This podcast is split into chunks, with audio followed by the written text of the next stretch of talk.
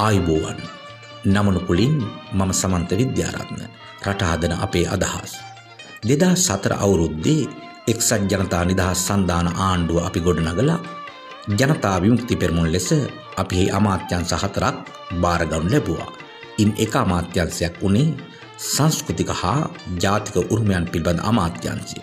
විශේෂයෙන් අපි මේ අමාත්‍යංශය භාරගනු ලැබුවේ රටේ උරුමයන් සුරක්ෂිත කරන්නත් රටේ අභිමානය ඔප් නම්මමින් දෙස් විදෙස් ආකාරයට රටට කීර්තියක් අත්පත් කරදීමත් අරමුණු කර ගනිමින්.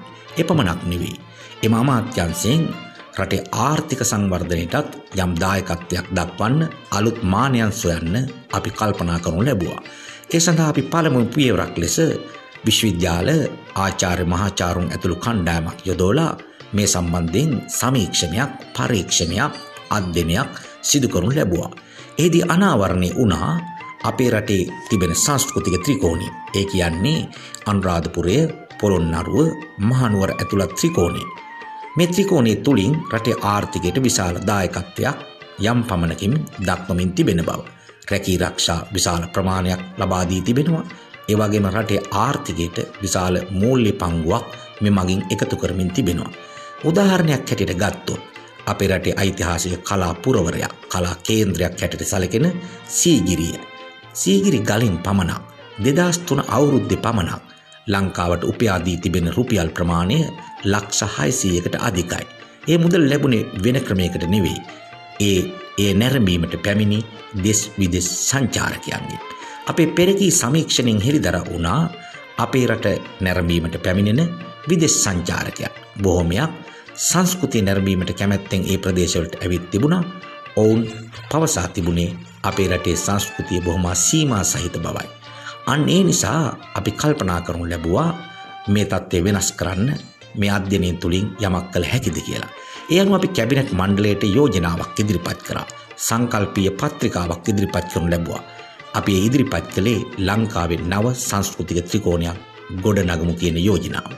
ඒ අනුව අපි යෝජනා කළා අම්පාර දීගවාපිය බදුල්ල හා හම්බන්තොට තිස්ස මහරාමේ ඇතුළත් නව සංස්කෘතික ත්‍රිකෝණයක් ගොඩනගමු කියන යෝජනාව. ඒක ඓතිහාසික ත්‍රිකෝණයක් වනවා නොඅනුමානයි. මන්දයක් දිගාමඩුළු වනපෙත අම්පාර ඒ වගේම ඓතිහාසික ඌව වෙල්ලස්ස අර පැත්තේ මාගම රාජධානිය නොහොත් රුහුණු රට ඒකාබද්ධ වෙන ඓතිහාසික ත්‍රිකෝණයක්. මේ ත්‍රිකෝණය ගොඩනැගීමේදී අපි කල්පනා කරා මේ ත්‍රිකෝණයට දෙස් විදෙස් සංචාරකයන් අද්දවා ගැනීම. අපි දන්නවා අපේ රටෙත් ලෝකෙත් දැන් විශේෂ ආර්ථික ක්‍රියාමාර්ගයක් ලාභදායක ක්‍රියාමාර්ගයක් හැටියට සංචාරක ව්‍යාපාරය ප්‍රවර්ධනය කරනවා. නමුත් මේ ගැටලුකාරී අර්බුදකාරී තත්ත්වයකුත් අපි අධ්‍යයනය කරමින් තිබෙනවා. දැකලා තිබෙනවා. අපි දන්නවා ලෝකෙ සංචාරක ව්‍යාපාරයේ දෙස් විදෙස් සංචාරකයෝ සංචාරය කරනකොට විශේෂම විදෙස් සංචාරකයන්ගේ අරමුණු කීපයක් තිබෙනවා. බොහෝ සංචාරකයන් සංචාරය කරන්නේ විනෝදාස්වාදය සඳහා. විනෝදාස්වාදය සඳහා පැමිණෙන සංචාරකයන් බොහෝමයක් ලිංගික අවශ්‍යතාවයන් ඒවගේ මත්ද්‍රව්‍ය අවශ්‍යතාවයන් සූදුව වගේ දේවල් වලට ලොල් වෙනවා. අපේ රටේ ඇත්ත වසන් කලාට අපේ රට පැමිණ විදෙස් සංචාරකයන් බහුතරයගේ අරමුණත් ඒ බව අපි දන්නවා. ඒ රටේ ආර්ථිකයට හානියක්. ඒ රටේ අභිමානයට සංස්කෘතියට අපේ සදාචාරයට විනාශයක්. ඒ වගේම මහා සෞඛ්‍ය ගැටලුවක්. හැබැයි මේ විදෙස් සංචාරකයන් අතරින් රටකට දැයකට හානි නොවන සංචාරකයෝ ප්‍රමාණයක් අපි අඳුරගෙන තිබෙනවා. ඔවුන් තමයි පාරිසරික හා සංස්කෘතික සංචාරකයන්. හින්ද අපි විශ්වාස කරනවා අපේ රටේ සංචාරක ව්‍යාපාරය ප්‍රවර්ධනය කරනවා නම් අපි මේ පාරිසරික හා සංස්කෘතික සංචාරකයන්ට මුල් තැන දෙන්න ඕනි කියලා. අන්න ඒ අනුව තමයි අපි අලුත් සංස්කෘතික ත්‍රිකෝණය යෝජනා කරනු ලැබුවේ. ඒ අනුව අපි මාස 14ක් සන්දානාණ්ඩුවේ හිටියා. අන්නේ 14 ඇතුළත අපි ආරම්භ කරනු ලැබුවා මේ නව සංස්කෘතික ත්‍රිකෝණයේ වැඩ කටයුතු කිහිපයක්. දීගවාපිය, අම්පාර, දිගාමඩුල්ලේ, ඓතිහාසික පූජනීය භූමිය. අපි සංරක්ෂණය කිරීමේ ක්‍රියාවලිය 2004 අවුරුද්දේම අවසානයේ අපි ආරම්භ කරා. ඒ සඳහා එවකට හිටපු ජනාධිපතිතුමිය චන්ද්‍රිකා බණ්ඩාරනායක කුමාරතුංග මැතිනිය සමග සංරක්ෂණය සඳහා අපි මුල්ගල් තියලා අපි වැඩ ආරම්භ කරා. ඒ වගේම මෙම නව සංස්කෘතික ත්‍රිකෝණයේ මහා සංස්කෘතික බල ප්‍රදේශයක් මහා පුරාවස්තු අඩවියක් ලෙස සැලකෙන රජගල තැන් LTTට නතු වෙලා තිබුණේ. මෙන්න මෙතනත් අපි මුල්ගල් තියලා අපි සංස්කෘතික ත්‍රිකෝණයේ වැඩ ආරම්භ කරා. නමුත් මේ කටයුත්ත අපිට දිගටම කරගෙන යන්න හැකියාවක් ලැබුණේ නෑ. මොකද මාස 14ක් වගේ කෙටි කාලයක් තුලදී අපිට අමාත්‍යංශයෙන් එළියට එන්න සිද්ධ වුණා. ආණ්ඩුවෙන් ඉවත් වෙන්න සිද්ධ වුණා. අපි ආරම්භ කරපු සංස්කෘතික ත්‍රිකෝණය එතනින් අද පුරාවස්තුවක් බවට පත් වෙලා යටපත් වෙලා තියෙනවා. අපි බලාපොරොත්තු වන ඉදිරි වැඩසටහන් වලදී මේ සංස්කෘති ත්‍රිකෝණයේ වටිනාකම ඔබට පියවරෙන් පියවර පහදා දෙන්න. අපි නව රජයට යෝජනා කරනවා ඒ යටපත් වී තිබෙන පුරාවස්තුවක් බවට පත් වී තිබෙන ඒ සංස්කෘතික ත්‍රිකෝණයට නැවත පණ දෙන්න. රටේ ආර්ථිකයත් රටේ රැකී රක්ෂා උත්පාදනයටත් රටේ අභිමානයේ ආරක්ෂා කිරීමටත් අභිමානය ඔප්නම්මා ගැනීමටත් ඒවගේම රටේ කීර්තිය අත්පත් කර දීමටත් අපේ උරුමයන් සුරක්ෂිත කිරීමටත් එව යටපත් වී තිබෙන සංස්කෘතික ත්‍රිකෝණයට පණ දෙන ලෙස අපි මෙම නව රජයට යෝජනා කරනු ලබනවා.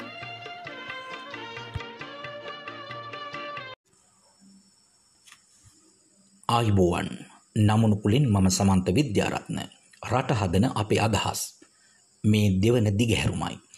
පළමු වැඩසටානයේදී අපි ඔබට පැහැදිලි කර දෙනු ලැබුවා දෙදස් හතර වසරේ එක්සත් ජනතා නිදහස් සන්ධාන ආණ්ඩුව ගොඩනගලා ජනතා විමුක්ති පෙරමුණ ලෙස එහි සංස්කෘතික හා ජාතික උරුමයන් පිළිබඳ අමාත්‍යන්සේ භාරගෙන රටේ අභිමානී කීර්තිය හා රටේ ආර්ථික වර්ධනය වෙනුවෙන් එම අමාත්‍යන්සේ මගින් නව සංස්කෘතික ත්‍රිකෝණයක් ගොඩනැගීමට අපගත් උත්සාහය හා වෙරවීරිය පිළිබඳව.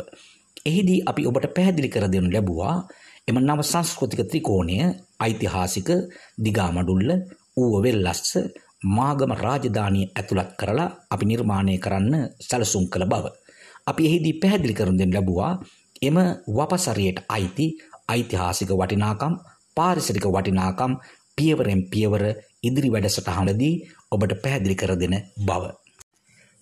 ඒ අනුව අද අප ඔබ සමග සාකච්ඡා කරන්න බලාපොරොත්තු වන්නේ සිහිලැල් පුරවරය මධ්‍යම කඳුකරය දකුණු හා නැගෙනහිර බෑවුමින් ආරම්භ වන සස්්‍රීක නිම්නයක කතාන්දරයක්. ගල්ලොය නිම්නේ ඒ කියන්නේ දිගාමඩුළු වනපෙත අම්පාර දිශ්‍රික්කය. මේ සස්ත්‍රීක භාවය නිසාම අවුරුදු දෙදහකට වඩා ඉතිහාසයක් තියෙන. උරුමයම් ප්‍රමාණයක් මේ වනපෙත තුළ මහපොළොව තුළ නිදන්ගතව තිබෙනවා. උරුමයන් මහා වටිනාකම් ප්‍රමාණයක් මේ පොළොව ඇතුළේ තිබෙනවා. මෙන්න මේවා සංරක්ෂණය කරන්න. ගවේෂණය කොට සංරක්ෂණය කළ හොත් රටේ අභිමානී කීර්තිය ලොව හමුවට යනවා පමණක් නෙවෙයි. රටේ ආර්ථික වර්ධනයටත් ඒ හේතුවක් කරගන්න පුළුවන් බව අපි පළමුවන වැඩසටානයේදීත් ඔබට පැහැදිලි කර දෙනු ලැබුවා. පුරාවිද්‍යා දෙපාර්තමේන්තුව පවසන පරිදි මේ දිගාමඩුළු වනපෙත තුළ සැඟව තිබෙන සොයාගෙන මතුව තිබෙන පුරාවිද්‍යා අඩවි ප්‍රමාණය ස්මාරක ප්‍රමාණය හාරසිය තියක් වෙනවා. මේ අතරින් වටිනාකම් තිබෙන ප්‍රධාන ස්ථාන කීපයක් ගැන ඔබයි අවධානය යොමු කළහොත්. බුදුන් වහන්සේ තුන්වන වරට ලංකාවට වැඩම කළ අවස්ථාවේ තම පාද ස්පර්ශය තැබූ හයවැනි ස්ථානයේ හැටියට සැලකෙන දොළොස් මස්ථාන අතරින් හයවැනි ස්ථානයේ හැටියට සැලකෙන ඓතිහාසික දීඝවාපී පුදබිම මේ ප්‍රදේශයට අයිති. ඒ වගේම පුද්දංගල ආරණ්‍ය සේනාසනේ, රජගල තැන්න පුරාවිද්‍යා සංකීර්ණය, කුඩුම්බිගල තපෝවනය, තුරුලෙංගල ආරණ්‍ය සේනාසනේ, මගුල් මහා විහාරය, මුහුදු මහා විහාරය, පියංගල ආරණ්‍ය සේනාසනේ, සමංගල ආරණ්‍ය සේනාසනය මේ ඓතිහාසික පුදබිම් අතර වෙනවා. එපමණක් නොවේ. සමන බැද්ද, නීලගිරිය, ලාහුගල කොටවේර මීට ඇතුළත් වෙනවා. ඒ විතරක් නෙවෙයි. ඓතිහාසික සාධක විද්‍යාමාන වෙන තැන් හැටියට තවත් අඳුනාගත් ප්‍රධාන තැන් කීපයක් අපි සලකා බලමු. මුහන්දිරංගල් කන්ද, වැද්දාගල කන්ද, කුරඩිකුලම් නටබුන්, ඕරුකුලම් නටබුන්, වෙහෙරගල නටබුන්. ඒ විතරක් නෙවෙයි. ඓතිහාසික සෙල්ලිපියක් හැටියට සැලකෙන කොණ්ඩුව මේ අතර තවත් වටිනා පුරාවිද්‍යා ස්ථාන කීපයක් අපිට හඳුනගන්න පුළුවන්. ඓතිහාසික ටැම් ලිපියක් සෙල් ලිපියක් හැටියට සැලකෙන කොණ්ඩු වටුවාන ටැම් ලිපිය අයිතිවන්නේ දිගාමඩුල්ලට. ඒ විතරක් නෙවෙයි. පදියදොර විහාරය වගේම මේ දිගාමඩුළු වනපෙත ආරක්ෂා කරන කඳු හෙල් දෙකක් අපි හඳුනා ගනු ලබනවා. බලන කපුළු දෙකක් දිගාමඩුල්ල දෙස බලා සිටිනවා. බ්‍රිතාන්‍යයන් විසින් හඳුන්වපු වෙස් මිනිස්ටර් ඇබේ නොහොත් ගෝවින්ද පබ්බතය අඩි පන්සිය පනස් අටකින් උසකින් යුක්තයි. ගෝවින්ද හෙළ ලෙසත් එය හඳුන්වනු ලබනවා. වලින්බේ හෙලක් දිගාමඩුල්ලේ ආරක්ෂාවට තියෙන ඓතිහාසික ස්ථානයක් හැටියට සැලකෙනවා. පණ්ඩුකාභය රජ සමයටත් පූර්ව සිට මෙරටට පාලකයන් නිර්මාණය කරපු දිගාමඩුළු වනපෙත තුළ විශේෂ ඉතිහාසයක් දිගහැරෙන්නේ ලියවෙන්නේ කිෂ්ටපූර්ව එකසිය තිස්සත එකසිය දහනමය කාලයේ මේ වනපෙත සංවර්ධනය කරන්නට පැමිණි සද්ධාතිස්ස රජ සමයේ සිට බවට තොරතුරු වැඩි වැඩියෙන් වාර්තා වෙනවා.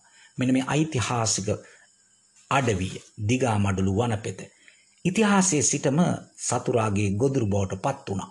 කාලිංග මාග විතරක් නෙවෙයි